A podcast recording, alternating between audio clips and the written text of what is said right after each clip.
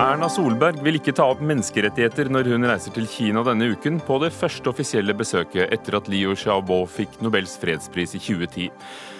Er det riktig å bruke det første møtet på ti år til å unngå kritikk? 40 000 barn mottok alternativ behandling i fjor. Uetisk og uakseptabelt, mener en lege etter at TV 2 filmet en behandler som fant både parasitter og hjernestress hos et ellers friskt barn. Og barn er ikke noe man kan bestille, tordner Kristelig Folkeparti, etter at Venstre vil gjøre det lovlig med surrogati i Norge.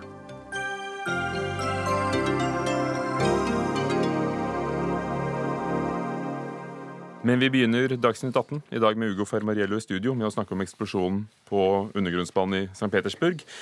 Tidligere i dag, ti på halv to norsk tid, ble Russlands nest største by, St. Petersburg, rammet av en kraftig eksplosjon på metroen. Ti mennesker er omkommet, et titalls er såret, og en gjerningsmann skal være fanget opp eh, på et, eh, en overvåkningsvideo. Russiske myndigheter arbeider nå med å finne ut hvem som sto bak, og om det dreier seg om terror.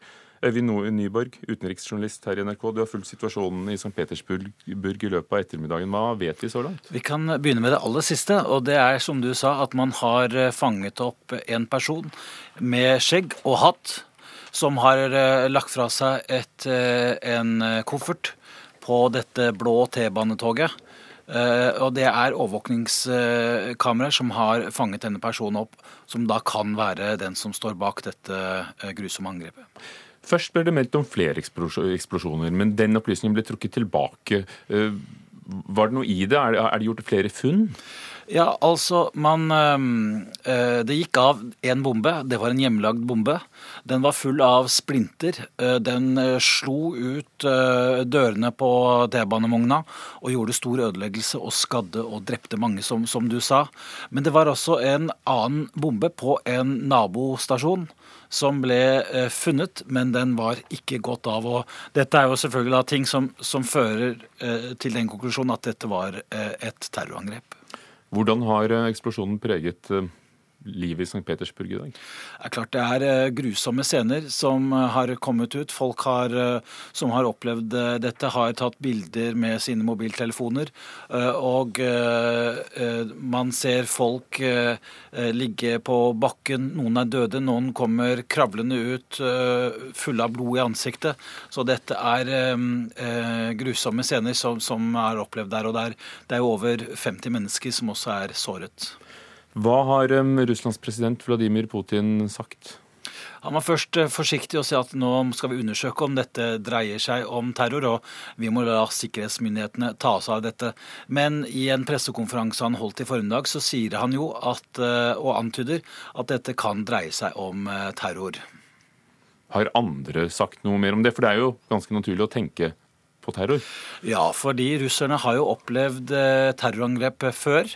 Et av de aller styggeste var i Moskva i 2010. Det var to kvinner som, som sprengte seg selv i luften på en T-banestasjon der. Den gangen var det eh, tsjetsjenere som sto bak.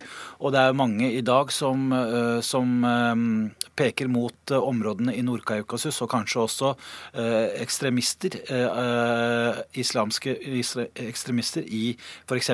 Tsjetsjenia, som også kan stå bak denne gangen her.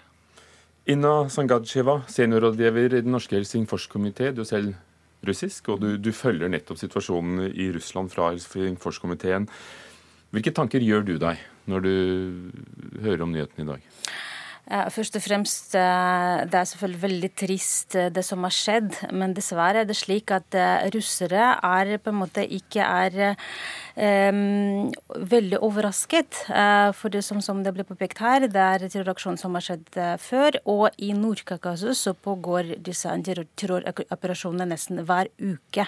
Og det vi hører ikke her så mye i, i medier, dessverre. Men, men uh, her må vi peke på um, metoder på hvordan russiske myndigheter bekjemper terrorismen. For hvis vi ser tilbake fra 90-tallet, der Tsjetsjenia-krigen har jo da startet, og så siden så har det vært kontinuerlige antiterroroperasjoner. Og dessverre er det slik at sikkerhetsstrukturer over lang tid har fått veldig mye makt.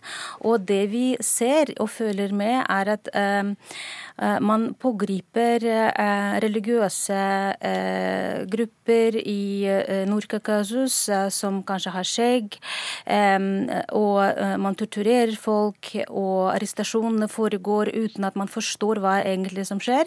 Og dessverre blir disse terroraksjonene ikke etterforsket på en, en ordentlig måte. I, i nyhetene fra Tsjetsjenia eller Dagestan kan vi f.eks. lese at den antatte terroristen blir drept. Eh, men eh, hva som har skjedd, hvordan det har skjedd, og det er selvfølgelig alle disse operasjonene som foregår, som jeg allerede sagt eh, ganske hyppig, skaper radikalisering. Og nå får jo dette oppmerksomhet selvfølgelig også fordi det skjer i St. Petersburg, som er ansett som en europeisk by, som, som er nærme oss. Men betyr det at mitt neste spørsmål egentlig er overflødig. Hvilken lit fester du til de russiske sikkerhetsmyndighetene? Altså, eh, det er jo et interessant spørsmål at akkurat eh, når Vladimir Putin skal ha sitt møte med den eh, gruppen som støtter han, den forente fronten, så akkurat den byen han skal også møte Lukasjenko, som skjer dette. Dette er jo selvfølgelig en Fordi Putin er altså i St. Petersburg i dag? Ja, nettopp. Og, og, dette kan man jo også ha mange spekulasjoner men dette skal vi være forsiktige med. Men det er selvfølgelig, um, som også ble påpekt her, er det um, vanlige russere går rundt og er redde. Og, og terrorbekjempelse som et slags eh, et mål har vært eh, i, i, medier ganske mye og ganske ofte brukt. Og når det faktisk skjer, så er det selvfølgelig veldig mye um, Det er veldig mye redsel som er, i, som er blant folket. Øyvind Nyborg, er det kommet noen kvalifiserte utsagn om hvem som kan stå bak? Nei, det er det ikke. Men det som er interessant å legge merke til, er jo at det er eh, Kaukasus har også fått et rykte på seg til å fostre en del eh, ekstreme krigere som også engasjerer seg i eh, kampen for IS i eh, Syria. Så eh, det er klart eh, her er det flere ting vi, vi lurer på og ennå ikke har fått svar på. Og Russland er jo offisielt involvert i, i Syria på regjeringens side i kampen mot bl.a. IS. I hvilken grad vil du sett mot IS som en mulig årsak? Altså, um, Russland deltar uh, i Syria, og uh, på den siden som, måte, som støtter Assad, er jo bortimot eh, noen grupper, fra, også fra Tsjetsjenia bl.a., som har sendt. Og per i dag vet vi om 33 russiske militære som ble drept i Syria. Men de som slutter seg mot eh, Assad, er jo betydelig større tall. Eh, her snakket man fra 1000 til flere tusen som slutter seg. Og det er også igjen snakker om radikalisering av ungdom i, i Russland, som ikke finner eh, dessverre eh, seg i de metodene som sikkerhetsstrukturer bruker i bekjempelse av terror. Så det betyr at du ser at også en radikalisering og, og sympatier med terrorgruppen IS kan ligge bak? Eh, ja, det kan det. Men på den andre siden så vil jeg også trekke deres oppmerksomhet eh, mot demonstrasjonene som har skjedd eh, i forrige uke i Moskva. Eh, ikke bare Moskva, hele Russland. Der eh, Aleksej Navalnyj har klart faktisk å få hele eh, Russland å demonstrere mot antikorrupsjon. Og også foregår nå protester av sjåfører. og rundt 2000 sjåfører fra Dagestan f.eks. har prøvd å kjøre fram. Og, og disse igjen blir stoppet av eh, politiet. De blir arrestert, de blir pågrepet, noen av dem blir til og med torturert. Så dette er en Og hver gang det skjer eh, sånne ting, og Putin mister kontroll, så dessverre oppstår noe ja. Så det er mange motsetningsforhold i Russland, og det, og det er mange konflikter Russland er involvert i. Du nevnte i sted at eh, Putin er i St. Petersburg. Han valgte å ikke avlyse møtet med Lukasjenko, den hviterussiske presidenten, eh, og har bare gitt én uttalelse i løpet av dagen. Det er jo vanlig at statsledere kanskje engasjerer seg mer? Altså, Hvordan blir dette tolket i Russland, at han eh, kjører sitt program som planlagt? Eh, det er dessverre ikke noe nytt fra Putins oppførsel. Han har ikke vært kjent leder som går ut med en gang og uttaler seg. Vi husker jo fra da Kursk-ubåten sank i, i da 2000, første året han, kom, han var president, så han valgte å dra til Sotsji. Og, og den type førsel er jo dessverre russere vant vant til. Øyvind Nyborg, er det kommet meldinger om skadde nordmenn i dette angrepet i dag? Nei, det er det heldigvis ikke. Utenriksdepartementet har jobbet på spreng for å få uh, ta rede på dette. Men det var altså en norsk skoleklasse som uh, opplevde dette på nært hold. Det er heldigvis også i god behold. Takk skal dere ha, Øyvind Nyborg, utenriksjournalist her i NRK, og Inna Sangedsheva, rådgiver ved Norske Helsingforskomiteen. Dagsnytt 18 alle hverdager kl 18.00 på NRK P2 og NRK2.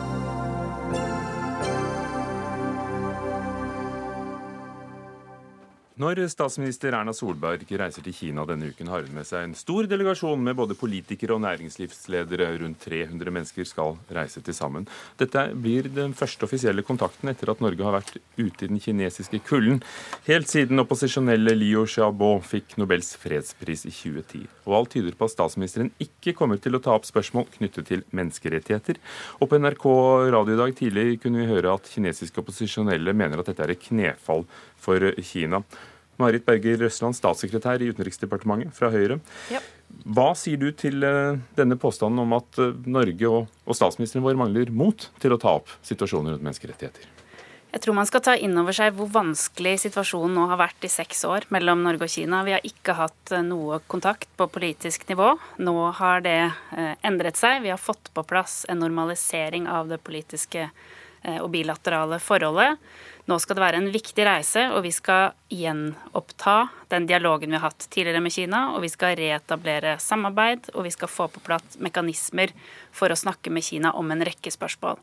Men det vi har sagt er at På denne første reisen så skal fokus nettopp være det. Vi skal bygge tillit, vi skal skape grunnlag for et bredt samarbeid med Kina og Norge. Eh, og det er ikke naturlig å gå inn i full bredde av spørsmål, og heller ikke MS-spørsmål denne gangen. Ikke naturlig, sier du, eller handler det om at vi ikke kan det? Fordi med den avtalen vi signerte da i desember, 19. desember kom denne nyheten om at vi hadde undertegnet en avtale. Mm. Eh, Børge Brende, utenriksminister, var på plass i Kina med en mengde betingelser. Er det fordi vi, vi faktisk ikke kan? Eh, nei, det har vi også sagt tydelig fra om. At det er ikke noe i den erklæringen som gjør at ikke vi kan snakke om, eh, om menneskerettigheter med Kina. Eh, men vi har som sagt hatt en veldig vanskelig periode bak oss. Det er nødvendig å bygge tillit, det er nødvendig å bygge bro. Eh, vi har mindre tro på dette ta-opp-diplomatiet som mange her i Norge synes å ha veldig stor tro på. Det er noe med at eh, vi må bygge tillit, vi må ha en relasjon til et land, og nå skal vi starte det arbeidet helt på nytt.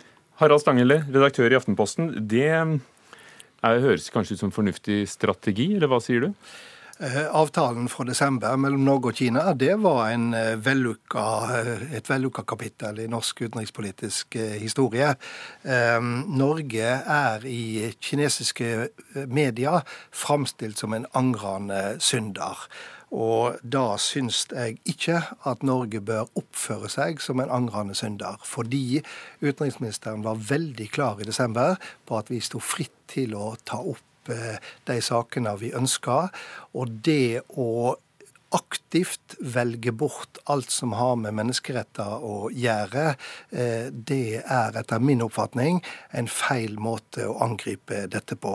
Og jeg hører statssekretæren si at en ikke driver på med ta-opp-diplomati, men da må jeg minne om at eh, for fire år siden eh, så, så anklaga opposisjonsleder Erna Solberg Stoltenberg-regjeringa for at en ikke var klare nok i å kritisere menneskerettighetsbrudd i Kina.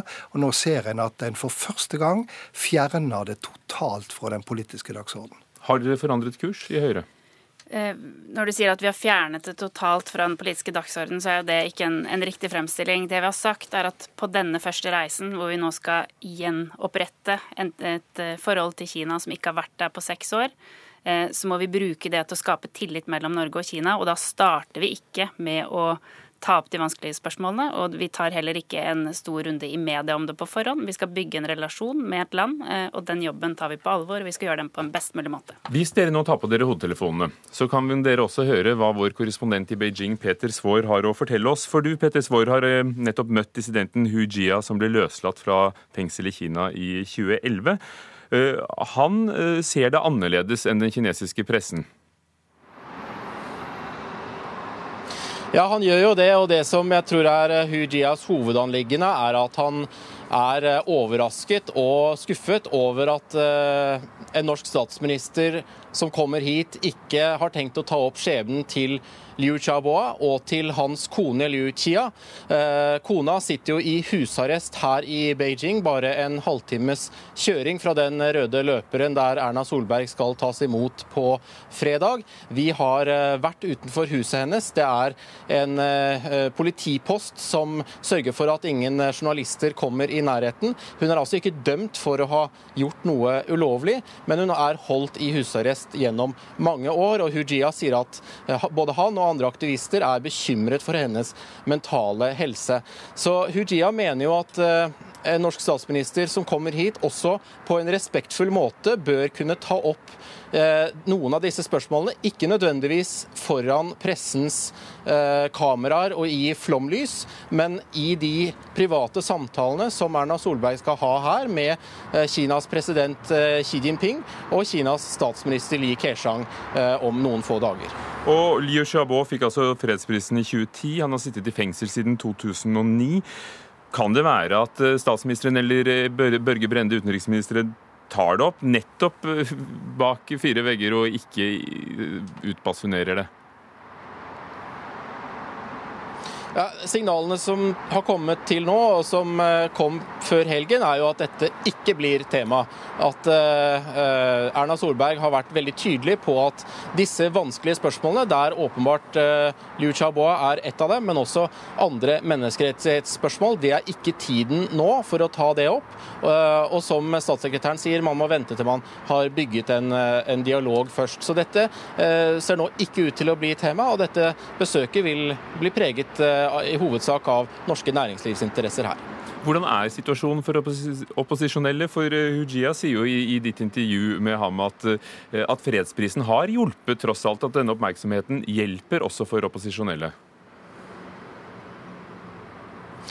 ja, han er tydelig på at eh, en del av de som har blitt nominert til fredsprisen, eh, inkludert ham selv, mener han har fått en grad av beskyttelse gjennom den nominasjonen. Han sier jo at det ikke er noen så viktig hvem som akkurat vinner prisen, men at de som også blir nominert, og det er det jo ganske mange kinesiske dissidenter som har blitt gjennom årene, også opplever at de får en grad av beskyttelse her gjennom den nominasjonen. Så det er han jo opptatt opptatt av. Men eh, for å si litt om hvordan det er for opposisjonelle og dissidenter her for øvrig, så eh, er de fleste enige om at det har blitt en del verre siden Xi Jinping eh, kom til makten i 2012. Og bare for å nevne et eksempel. På kvinnedagen her for to år siden så ble en gruppe unge kvinner som hadde planlagt å gå på metroen her i Beijing og dele ut løpesedler mot seksuell trakassering, arrestert fordi at de da ble sett på som å gjennomføre en Eh, en organisert politisk aktivitet. Eh, og nærmest uansett hva slags organisert politisk aktivitet, så er det noe som ikke blir tolerert her nå. Takk skal du ha, Peter Svår, vår mann i Beijing, som kommer til å følge dette besøket utover i uken. Harald Stanghelle, redaktør i Aftenposten. Hvor langt mener du at norske myndigheter kan gå uten å sette denne avtalen på spill, som, som mange, og særlig næringslivet og, og mange kommentatorer det selv inkludert mener er en god ting at vi har fått på plass offisielle forbindelser med Kina? Absolutt. Og Norge har vært i den politiske fryseboksen nå i seks år, og det er viktig å komme seg ut av den.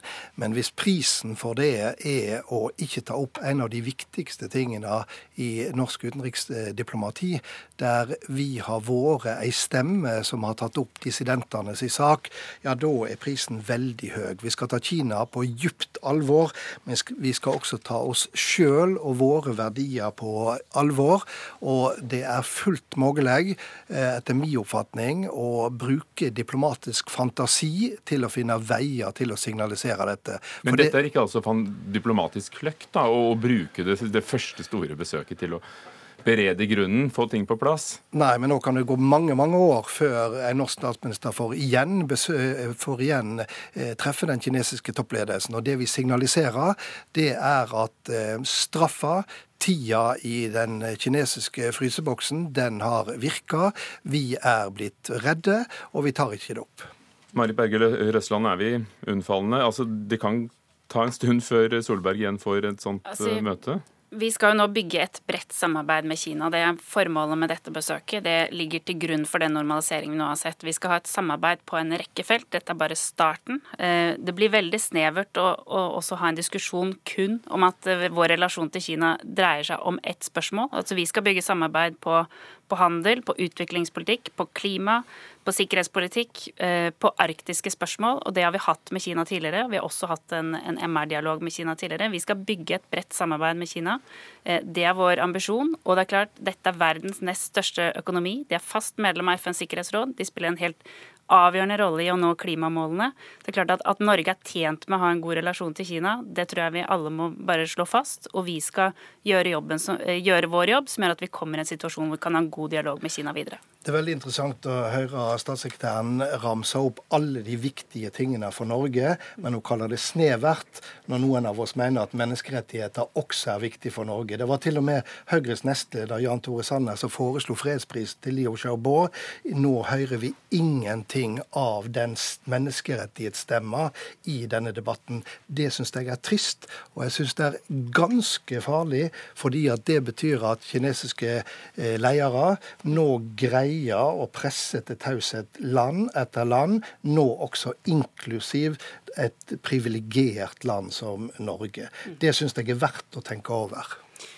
Altså jeg er ikke i tvil om at av hensyn til, til, menneskerettigheter, så er det bedre at Norge har en dialog med Kina, enn at vi ikke har det. Den dialogen har vi ikke hatt på seks år. Nå har vi hatt en fryktelig vanskelig relasjon mellom Norge og Kina. Den den relasjonen må bygges på nytt. Det arbeidet skal vi gjøre. Og vi har et mål om å kunne ha et bredt samarbeid med Kina, et tillitsfullt forhold, som gjør at vi kan ta opp også krevende spørsmål. For, for, Du sa jo det nettopp, at vi har hatt en menneskerettighetsdialog før. Vi ja. starter ikke med den nå, men du sier altså at den avtalen som ble signert mellom Norge og Kina i desember, den forhindrer ikke at f.eks. Eh, disse spørsmålene vi, vi, vi, stilte tidligere i år. Vil Norge kunne kritisere at fredsprisvinneren fortsatt sitter i fengsel? Ja eller nei? Vil vi kunne det?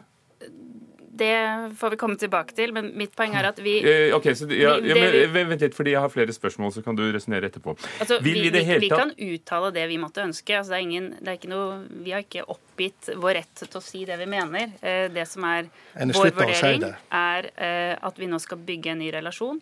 Vi må også tenke at Marit Berger, mange... et, øyeblikk, et øyeblikk, for jeg har to-tre to, ja-nei-spørsmål til. Okay. Vil vi i det hele tatt kunne si at vi er bekymret for menneskerettighetene i Kina og, og kinesiske dissidenter. Ja, og i disse årene som har gått, har vi f.eks.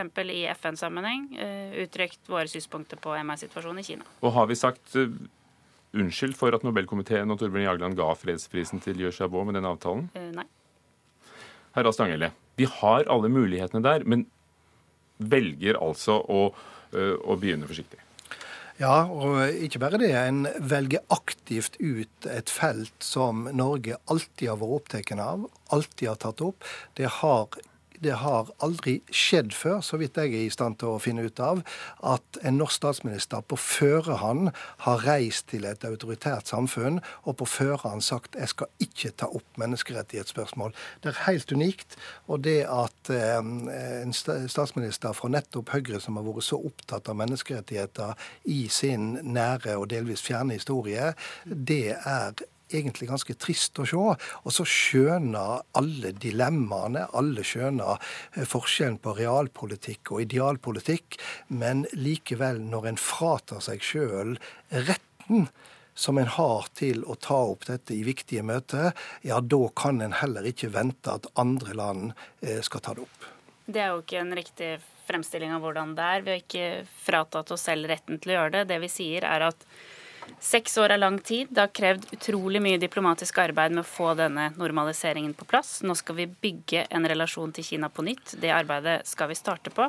Eh, og min, min, henvisning til snever var vel heller det at i en situasjon hvor vi nå skal ha en reise til Kina som er svært viktig for Norge på så mange felt, så er dette den eneste diskusjonen eh, som føres. Og det, det, er det jeg mente med snevert. At vi må klare å ha flere perspektiver og se på hvilken betydning det har for Norge at vi nå får på plass en normalisert forhold til Kina. Det hadde kanskje ikke vært den eneste diskusjonen hvis dere hadde sagt som UD ofte gjør, at vi skal ta opp bekymringene rundt menneskerettigheter. Da hadde det kanskje ikke nå, vært den eneste situasjonen? Nå valgte vi å svare på det allerede forrige fredag. Det var et stort spørsmål som kom. Statsministeren eh, ga et tydelig svar.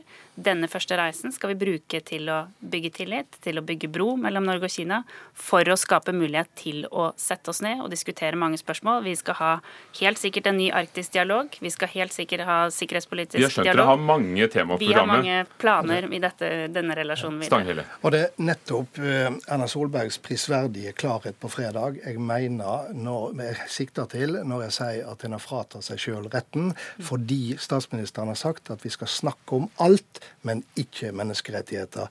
Alle de tingene som eh, dere og statsministeren skal ta opp, er viktige ting.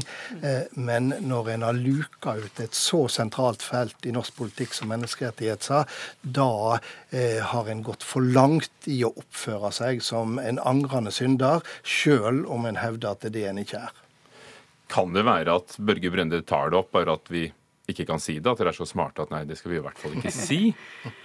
Jeg tror nok vi, vi, hadde nok ikke valgt å gå ut sånn vi gjorde hvis det hadde vært uh, det planen. Det er klart at dette skaper stort engasjement, det har vi forståelse for. Men man, man, må jo, man, må jo, også tenke at uh, det krever et, uh, si, et, diplomatisk arbeid med å skape en relasjon til et land. Med all respekt for journalister og kommentatorer, det er jo ikke, det er jo ikke gitt at det å å reise og, og, ta opp de vanskelige spørsmålene, si på forhånd eh, at det skal vi ta opp. Men vanligvis så gjør dere det?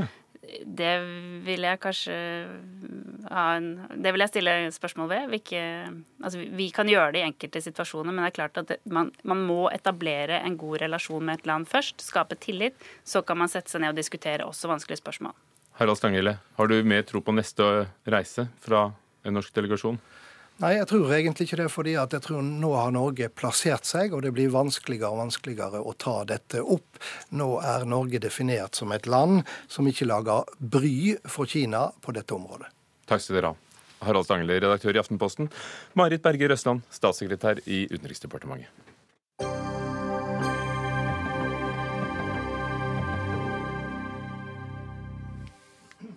Forfallet på Nationaltheatret er synlig helt ute på gaten nå. Det Murpuss kan falle ned på folk, og derfor er bygningen sikret. Men dette forfallet har foregått i tiår. Alle er enige om at huset skal pusse opp. Hvorfor skjer ingenting? Teatersjefen møter regjeringens mann til debatt senere her i Dagsnytt 18. Nå skal det handle om parasitter som spiser blod, midd og hjernestress. Dette er noen av diagnosene en alternativ behandler fant på et barn som tre leger mente var helt friskt. Dette kunne vi høre om og se i TV 2s program Helsekontrollen i forrige uke, da de tok opp nettopp alternativ behandling av barn. De hadde filmet med skjult kamera under konsultasjoner, og friske barn ble diagnostisert med forskjellige lidelser, som disse parasittene og midd ved hjelp av utradisjonelle apparater og ikke-vitenskapelige metoder. Wasim Zaid, kjent eh, lege, du er selv deltaker i programmet. Hva var din reaksjon på det dere fant ut? jeg syns det var provoserende. Eh, jeg er opptatt av eh, etikken her. Det er klart at eh, all behandling, både den som vi skolemedisinere driver med og den som alternativbransjen driver med, kan ha bivirkninger, kan ha skader, kan ha komplikasjoner og har en viss risiko ved seg. Den risikoen kan man ta hvis man vet at det i den andre enden er en potensiell gevinst, en bedring, mindre plager, helbredelse eller hva. Hvis man ikke vet at man har det, så mener jeg, sånn som det er med alternativbransjen, de har ikke dokumentert noe effekt på uh, noe de driver med, så utsetter man pasienten, eller barnet her da, kun for mulige uh, risikoer og skader, og ingen gevinst. Og det mener jeg er uetisk. Rundt 40 000 barn får alternativ behandling i Norge i året, ifølge tall. Men påviser at noen lider noe skade av det? Ja, så Vi vet som sagt at all sånn behandling har, har bivirkninger. Akupunktur Eh, vi har sett eksempler på at det kan gi infeksjoner. Sjelden så har det også hatt fatale konsekvenser. Eh, kopping, som noen snakker om, eh, kan gi sår og smerter. Og det mest ekstreme som jeg hørte med, var jo at de utførte såkalt tarmskylling på barn helt ned til toårsalderen. Altså man stikker et rør inn i rumpa på et lite barn og, og skyller ut tarmen. Det mener jeg er grovt krenkende. Jon Petter eh, Lindeland, leder i Norske naturterapeuters hovedorganisasjon. Hva, hva, er ditt svar på kritikken, både som du hørte her og, og i programmet? Nei, jeg tenker at En videre debatt eh, må bygge, med, bygge på mer enn disse tre terapeutene som var med i, TV 2-programmet. Det er viktig å ta utgangspunkt i at, eh, at det har faktisk ikke vært noe debatt om dette. her. Når det gjelder f.eks. lov om alternativ behandling, så var det ikke noe debatt om behandling av barn. Og innenfor vår organisasjon så har vi heller ikke hatt noe klagesaker, og heller ikke i rettsvesenet. Og den kontakten som jeg har når det gjelder kollegaer i Norden og Tyskland, så er ikke dette heller noe vesentlig eh, eh, diskutert. da. Men her var det altså helt konkrete tilfeller hvor barn som tre leger hadde erklært friske, fikk påvist en mengde, eh, en mengde lidelser eller plager som de ble tilbudt behandlinger mot. Det virker da eh, i beste fall unødvendig? Ja, altså jeg må si at Prinsipielt så er vår organisasjon av den oppfatning at skal være veldig forsiktig med å kommunisere diagnoser funn direkte til pasient, og spesielt når du bruker diagnostiske verktøy som på en måte ikke er stadfesta av av eh, offentlige medisin. da. Så, så dette er en dette er sånn eh, etisk utfordring som vi som bransje er nødt til å ta tak i. Wasim Sayed, altså Når 40 000 barn i løpet av ett år får behandling, dette er tallet vårt land eh, viderebrakte, folk brukte 3 milliarder kroner på alternativ behandling, nordmenn totalt, på et år. Betyr det vel at folk ser et behov som på en eller annen måte dere ikke klarer å dekke? Ja, Det kan godt hende. Og det kan godt hende at vi skal være flinkere til å uh, imøtekomme disse pasientene som, uh, som, føler de har et behov som vi ikke klarer å uh, ta vare på skikkelig. Men, men, det er jo ikke noe godt argument for at man skal drive med noe som ikke har noen dokumentert effekt. noe som er ofte basert på fantasi og, og hvor man bruker begreper som overhodet ikke har noe rot i virkeligheten. Men Hvorfor er du spesielt opptatt av alternativ behandling på barn? Jo, fordi eh, barn er jo underlagt vår eh, vilje. De, ikke, de, bestemmer jo ikke selv. De kan ikke gjøre sine egne rasjonelle vurderinger på, på, på, om de vil utsette seg for en behandling eller ikke. Så det er vi som må ta den eh, beslutningen for dem. Og da mener jeg at da hviler et ekstra, eh, ekstra tungt ansvar på oss, for da skal man vite hva man driver med. Og da skal man vite at det man driver med, har en effekt. Og her, Jon Petter Lindeland, er dere rett og slett uenige, er det sånn? Nei, jeg mener at en forsvarlig praksis den hviler på at den enkelte terapeut har en god, allsidig terapeutkompetanse. Og med terapeutkompetanse så mener jeg at han skal ha god kunnskap i det faget han skal utøve. Grunnleggende medisinske kunnskap og god innsikt i etikk og kommunikasjon. Og kanskje det viktigste er faktisk kunnskap å ha om, om, innsikt i egen kompetansegrense for å sende folk videre til medisinsk behandling på en etisk forsvarlig måte. Er det alt som egner seg for barn av alternativ behandling? Hva du sa? Er, er det alle alternative behandlingsformer som kan egne seg for barn? Nei, det, det, det, er mulig at det kan differensieres der. Det, det må en jo vurdere i hver enkelte tilfelle. Det kan jo være noen behandlingsformer som har intervensjoner som kan være, som kan være uheldige. Mm. Helse- og omsorgsdepartementet kunne ikke stille i Dagsnytt 18 i dag, men eh, Sveinung Stensland, stortingsrepresentant fra Høyre, selv farmasøyt eh, og helsepolitiker. Hva, hva er dine reaksjoner på det du hører? Det jeg hører fra representanten fra bransjen nå, jo, høres jo fornuftig ut, men det vi vet at praksisen er alt annet enn fornuftig. Og det bransjen burde begynt med, var jo å dokumentere det de holder på med. For det er jo det som kjennetegner hele alternativbransjen, at det er udokumentert praksisen de holder på med. For hva er alternativ medisin som blir dokumentert? Jo, det er medisin. Og Idet en, en, eh, en, en, behandling blir godt dokumentert, så har jo skolemedisinen en tendens til å ta den i bruk. Men jeg reagerer kraftig på spesielt den delen av eh, alternativ behandling som brukes på barn, der barn potensielt kan bli skadd eller bli påført smerte. Og da er det kopping og, og eh, akupunktur og den type ting som er, ikke er dokumentert men samtidig brukes på barn, der det er et skadepotensial. Det er det ene. Det jeg òg reagerer på, det er jo terapeuter som driver med udokumentert praksis, der de påstår de kan kurere en sykdom som de påstår de har påvist. Det, det ikke, de har heller ikke lov til å diagnostisere pasienter. Og så setter en i gang med en behandling som heller ikke har dokumentasjon. Og Det mener jeg er et overtramp både for behandleren og for de foreldrene som velger å gjennomføre dette. Samtidig så er det jo sånn at i noen tilfeller så opplever pasienter lindring ved å gå til alternativ terapi. Så jeg ønsker, det er noen som ønsker at vi skal ha et absolutt forbud mot alternativ behandling for barn. Det er ikke jeg enig i. For i noen tilfeller så kan de kanskje i oppleve at de har nytte. Men denne delen som går på invasive metoder, der en kan påføre skade på et barn, det er jeg sterkt kritisk til. Og jeg har allerede tatt initiativ for å se på om det kan være deler av dette som er i strid med dagens lovverk. For Lindeland, Du snakker om altså behandlingskompetanse og, å kjenne sine grenser og sin kunnskap. Men vi står vel igjen med sluttsummen at det er ikke-dokumenterbare påstander om helbredelse?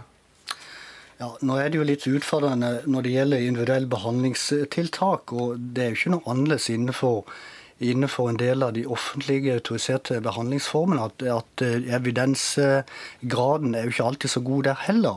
Men jeg mener det at det viktigste som skal ligge i bunnen, det er faktisk gode etiske handlinger. At du viser din kompetansegrense og sender, folk, sender pasienter videre til adekvat behandling, både lege og sykehus. Men når det, det gjelder nettopp da invasiv behandling, altså behandling hvor du trenger inn gjennom huden eller tarmåpningen eller hva det er, ja. kunne det vært et etisk regelverk for bransjen selv at det, det må voksne ta stilling til, og, og at barn skal simpelthen ikke få det? Det kan godt være at vi skal ta tak i det. og Det, det, det som jeg faktisk har gjort i dag, jeg har prøvd å ta kontakt med Norsk barnelegeforening og, og Landsgruppa Helsesøster Sykepleierforbundet for nettopp å få en dialog om deres erfaringer i møte med denne behandlingstradisjonen, og, og hva, de, hva som bekymrer dem mest.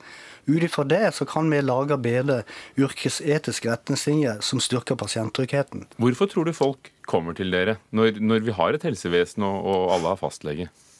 Altså, Det ligger jo et rettslig grunnlag i lov om alternativ behandling som, som, som sier det at uh, du har både lov og tilby og motta den behandling. Og, og er, Folk er jo opptatt av å, å få vurdert si helse ut ifra forskjellige perspektiver, forklaringsmodeller. Men som jeg sier, dette skal skje i trygge rammer med gode etiske holdninger. Og det gjelder spesielt i barn som er, som er sårbare. Ja, og det er, jo, det er, jo, det vi ser, at det er ikke alltid gode etiske refleksjoner rundt det, og vi ser overtramp. Og En annen ting som alternativbransjen må ta et større ansvar for, det er den vaksineskepsisen som vi ser brer om seg. Nå har vi utbrudd av meslinger i flere europeiske land fordi at vaksinemotstanderne får, får slippe til. Og da er det veldig mange i alternativmiljøene som er sterke talspersoner for en annen behandling enn den som myndighetene foreslår. Og det går utover alle andre barn og alle andre som får større risiko og et større smittepress. Så det er en del ting ved alternativbransjen der bransjen må gå inn i seg sjøl fordi den faktisk er direkte skadelig i den virksomheten som gjøres. Og så kan vi ikke skjære alle over en kam, for noen opplever god lindring og god nytte av det her. Så dette er en krevende debatt der det finnes mange hensyn en skal ta. Men jeg, jeg, jeg, Kan jeg komme med en replikk til Jan en Kom igjen, Jon Petter Lindeland. For at Vi har jobba i mange mange år og vært utallige møter både i Helsedirektoratet og Helsedepartementet for å styrke pasientsikkerheten når det gjelder f.eks. registeret i Brønnøysund, som ikke har offentlige fagkrav. Vi mener at det bør eksistere offentlige fagkrav for å kunne ta sykebehandling. Og i bransjen er jo klare retningslinjer. De har laga retningslinjer for et felles klageorgan for hele bransjen, som kunne ha vært et alternativ både tilsyn og lovforbud. For der kunne vi ha tatt opp saker og lage enda bedre yrkesetiske retningslinjer. Men dessverre, vi har ikke fått finansiering fra det offentlige. Og politikerne vil heller ikke eh, ta noen forskriftsevninger når det gjelder dette, dette, registeret. Problemet med det er jo at de er ikke dokumentert det som en holder på med.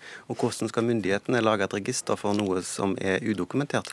Det er hele problemet med alternativbransjen. At det som den bransjen driver med, er ikke dokumentert medisin, og da skal heller ikke staten spille noen rolle i det. Hvis noen skal drive med det, så får det være på siden av det offentlige, og det offentlige kan heller ikke godkjenne den type virksomhet, for en har ingenting faglig å godkjenne det på grunnlag av. Dere kan vel lage et sånt råd selv i bransjen? Ja, men det er jo det vi har prøvd å gjøre, men vi får, vi får, ikke, vi får ikke finansiert det. Wasim Zaid, Barnelegeforeningen har tatt til orde for et forbud, en aldersgrense på tolv år for alternativbehandling alternativ behandling av barn. I Sverige, som det eneste landet i Europa, visstnok, så er det en aldersgrense på uh, åtte år. Hva syns du? Jeg mener Generelt sett så vet jo foreldrene barnets, barnets beste, og, uh, og, foreldrene vil jo det som er best for barnet.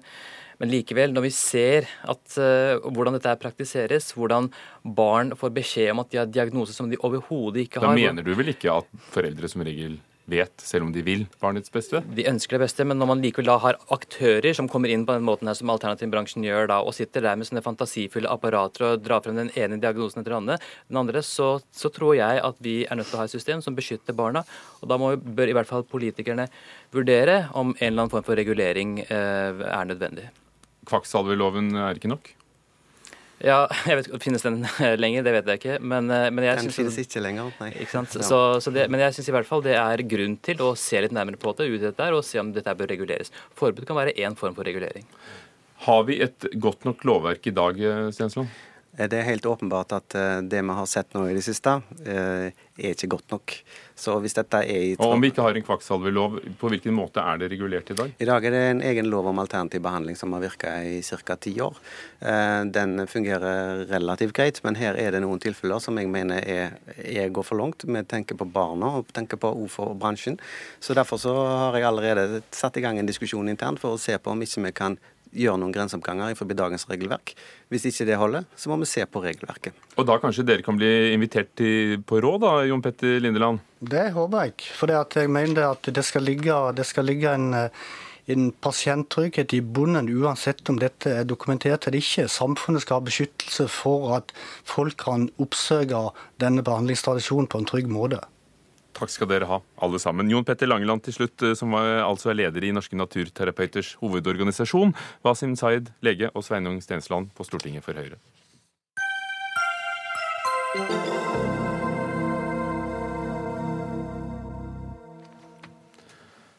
Barn er ikke noe man kan bestille, smeller det fra Kristelig Folkeparti, etter at Venstre i helgen vedtok eh, som første norske parti å åpne for ikke-kommersiell surrogati. Altså at det skal være mulig å stille opp som surrogatmor, men ikke mot betaling. Olaug Bollestad, nestleder i Kristelig Folkeparti. Kan dette være første steg på veien til at surrogati blir tillatt og regulert i Norge? Det er klart at Selv om en sier at dette er frivillig, så kan en jo tenke hvordan press føles, og hva som er over bordet og under bordet. Så det er klart det kan være en begynnelse på det å åpne for kommersiell eh, surrogati òg. Eh, og det er jo totalen i dette som, som gjør at dette blir vanskelig. Og Hva er det du reagerer på, først og fremst? Eh, det er jo, For det første er det et, et syn på at eh, ei kvinne skal være et middel for at andre voksne skal få tilfredsstilt et ønske om å få et barn. For det å være gravid det er ikke uten risiko. Det er både en helserisiko, og det er mange utfordringer knytta til det å gå gravid. Og at en skal, skal, føle på at en skal gjøre den tjenesten. Når ble et svangerskap en tjeneste for andre? Eh, det er faktisk fordi du ønsker å få egne barn. Og når det er sagt, så har jeg lyst til å si at jeg har stor forståelse for at voksne ønsker egne barn, men spørsmålet er, som alle partier, hvor setter en grensa henne? Og for oss så er det det at eh, vi setter grenser med surrogati, hvor en faktisk eh, bruker en annen sin kropp for å få nå sitt eget mål. Det syns vi ikke er greit.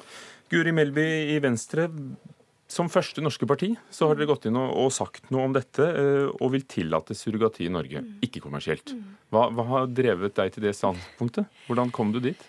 For meg Jeg har vært i tvil, jeg òg. Det må jeg bare erkjenne. Eh, vi hadde jo også et eh, forslag om det her på landsmøtet for fire år siden. og Da ble det nedstemt. Nå ble det vedtatt. For meg så handler det her egentlig om hva slags inngripen staten skal gjøre, og hva vi skal si skal være forbudt og ikke.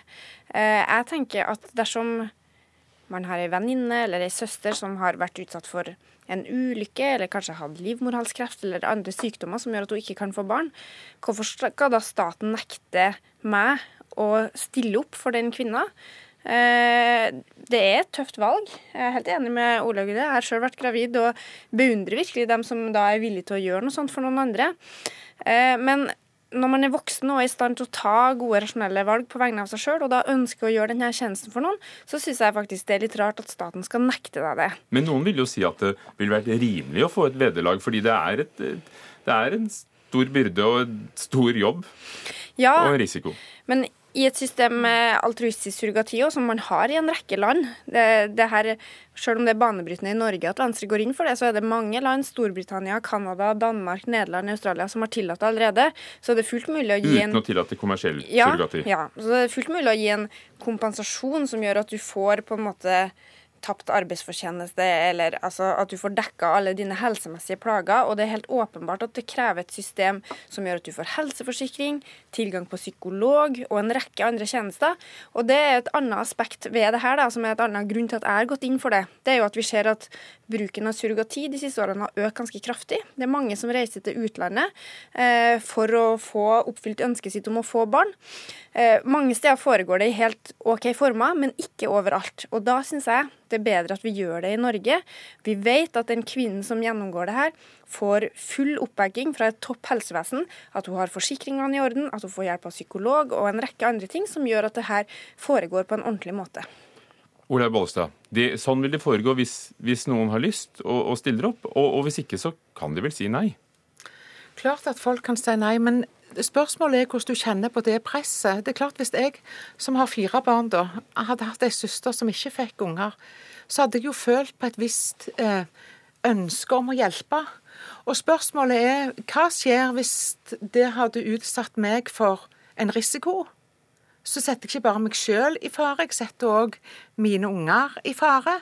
Altså Det er mange sider av dette, for du skal tilfredsstille et annet voksen menneske som har et, lyst, som har et ønske om å få barn. Så for, for, meg så handler dette om at det er ingen andre som har en rettighet over en kvinnes kropp mot å få tilfredsstilt eget ønske, enten det heter å få barn eller andre ting.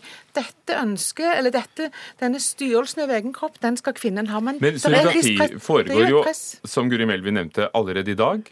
kommersielt kommersielt, ofte i India eller USA, er det ikke da bedre, og at det foregår i Norge i ordnede former? Jo, men Spørsmålet er hva, hva, hva, lovverk vi skal sette hos oss sjøl.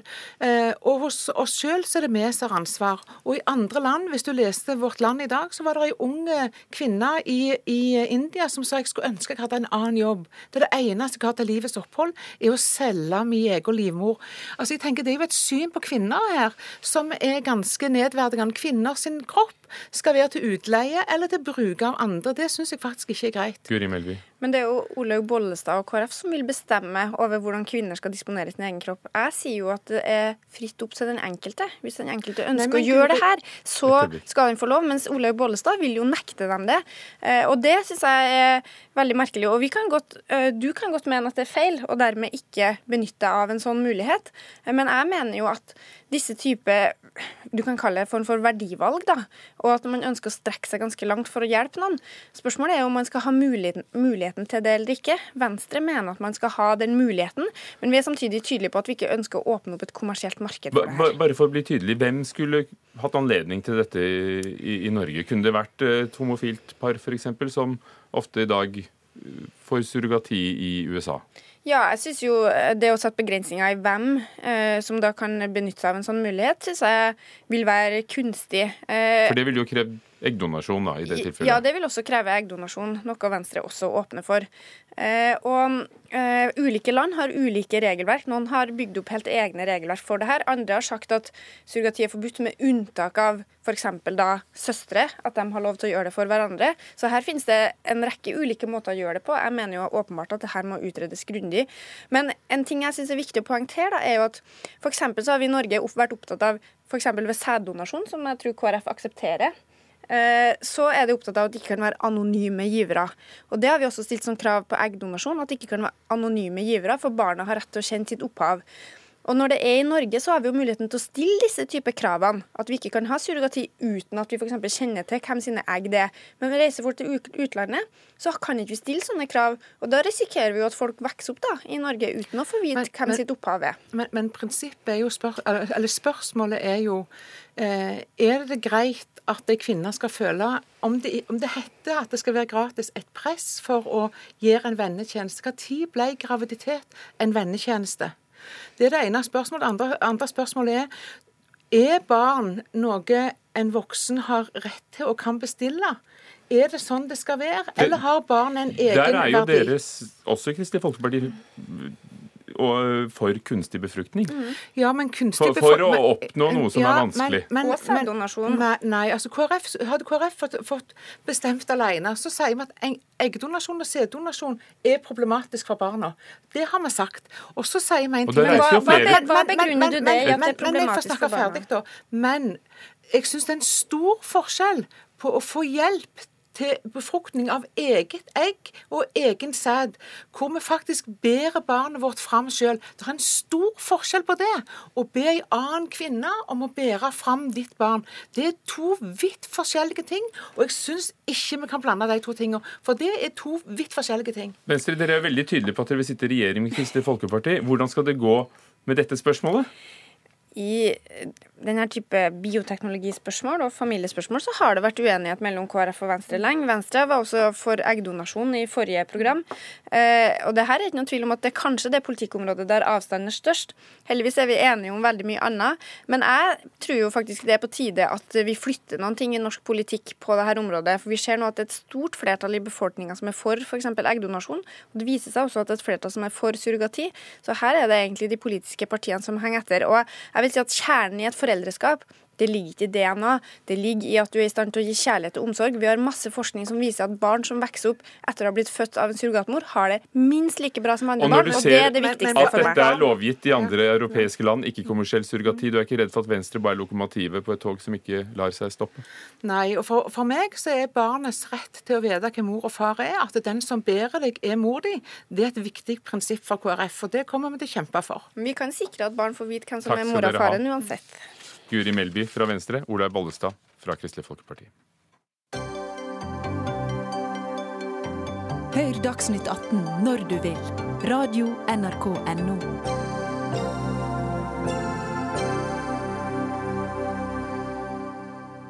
I himlingen er det engler og basuner og skyer og vakre takmalerier, men de slår sprekker. Det gjør også gulvet og fasaden. Jeg snakker om Nationaltheatret midt i Oslo. Et historisk sted for norsk teater, med Ibsen og Bjørnson på sokkel utenfor. Og det har falt sammen i flere tiår. Alle er enige om at noe bør skje, og ennå skjer det ikke noe. I forrige uke skrev VG også om nå hvordan fasaden er blitt sikret, så enhver forbipasserende kan se at det er satt opp eh, sikringstiltak så vi ikke skal få murpuss i, hodet. Og NRK eh, i Kulturnytt og på Dagsrevyen har vi fortalt i hele fjor høst om hvor ille det sto til. Hanne Tømta, teatersjef. Hvordan er det på teatret ditt i dag? det er eh, jo et teater som trenger sårt til rehabilitering.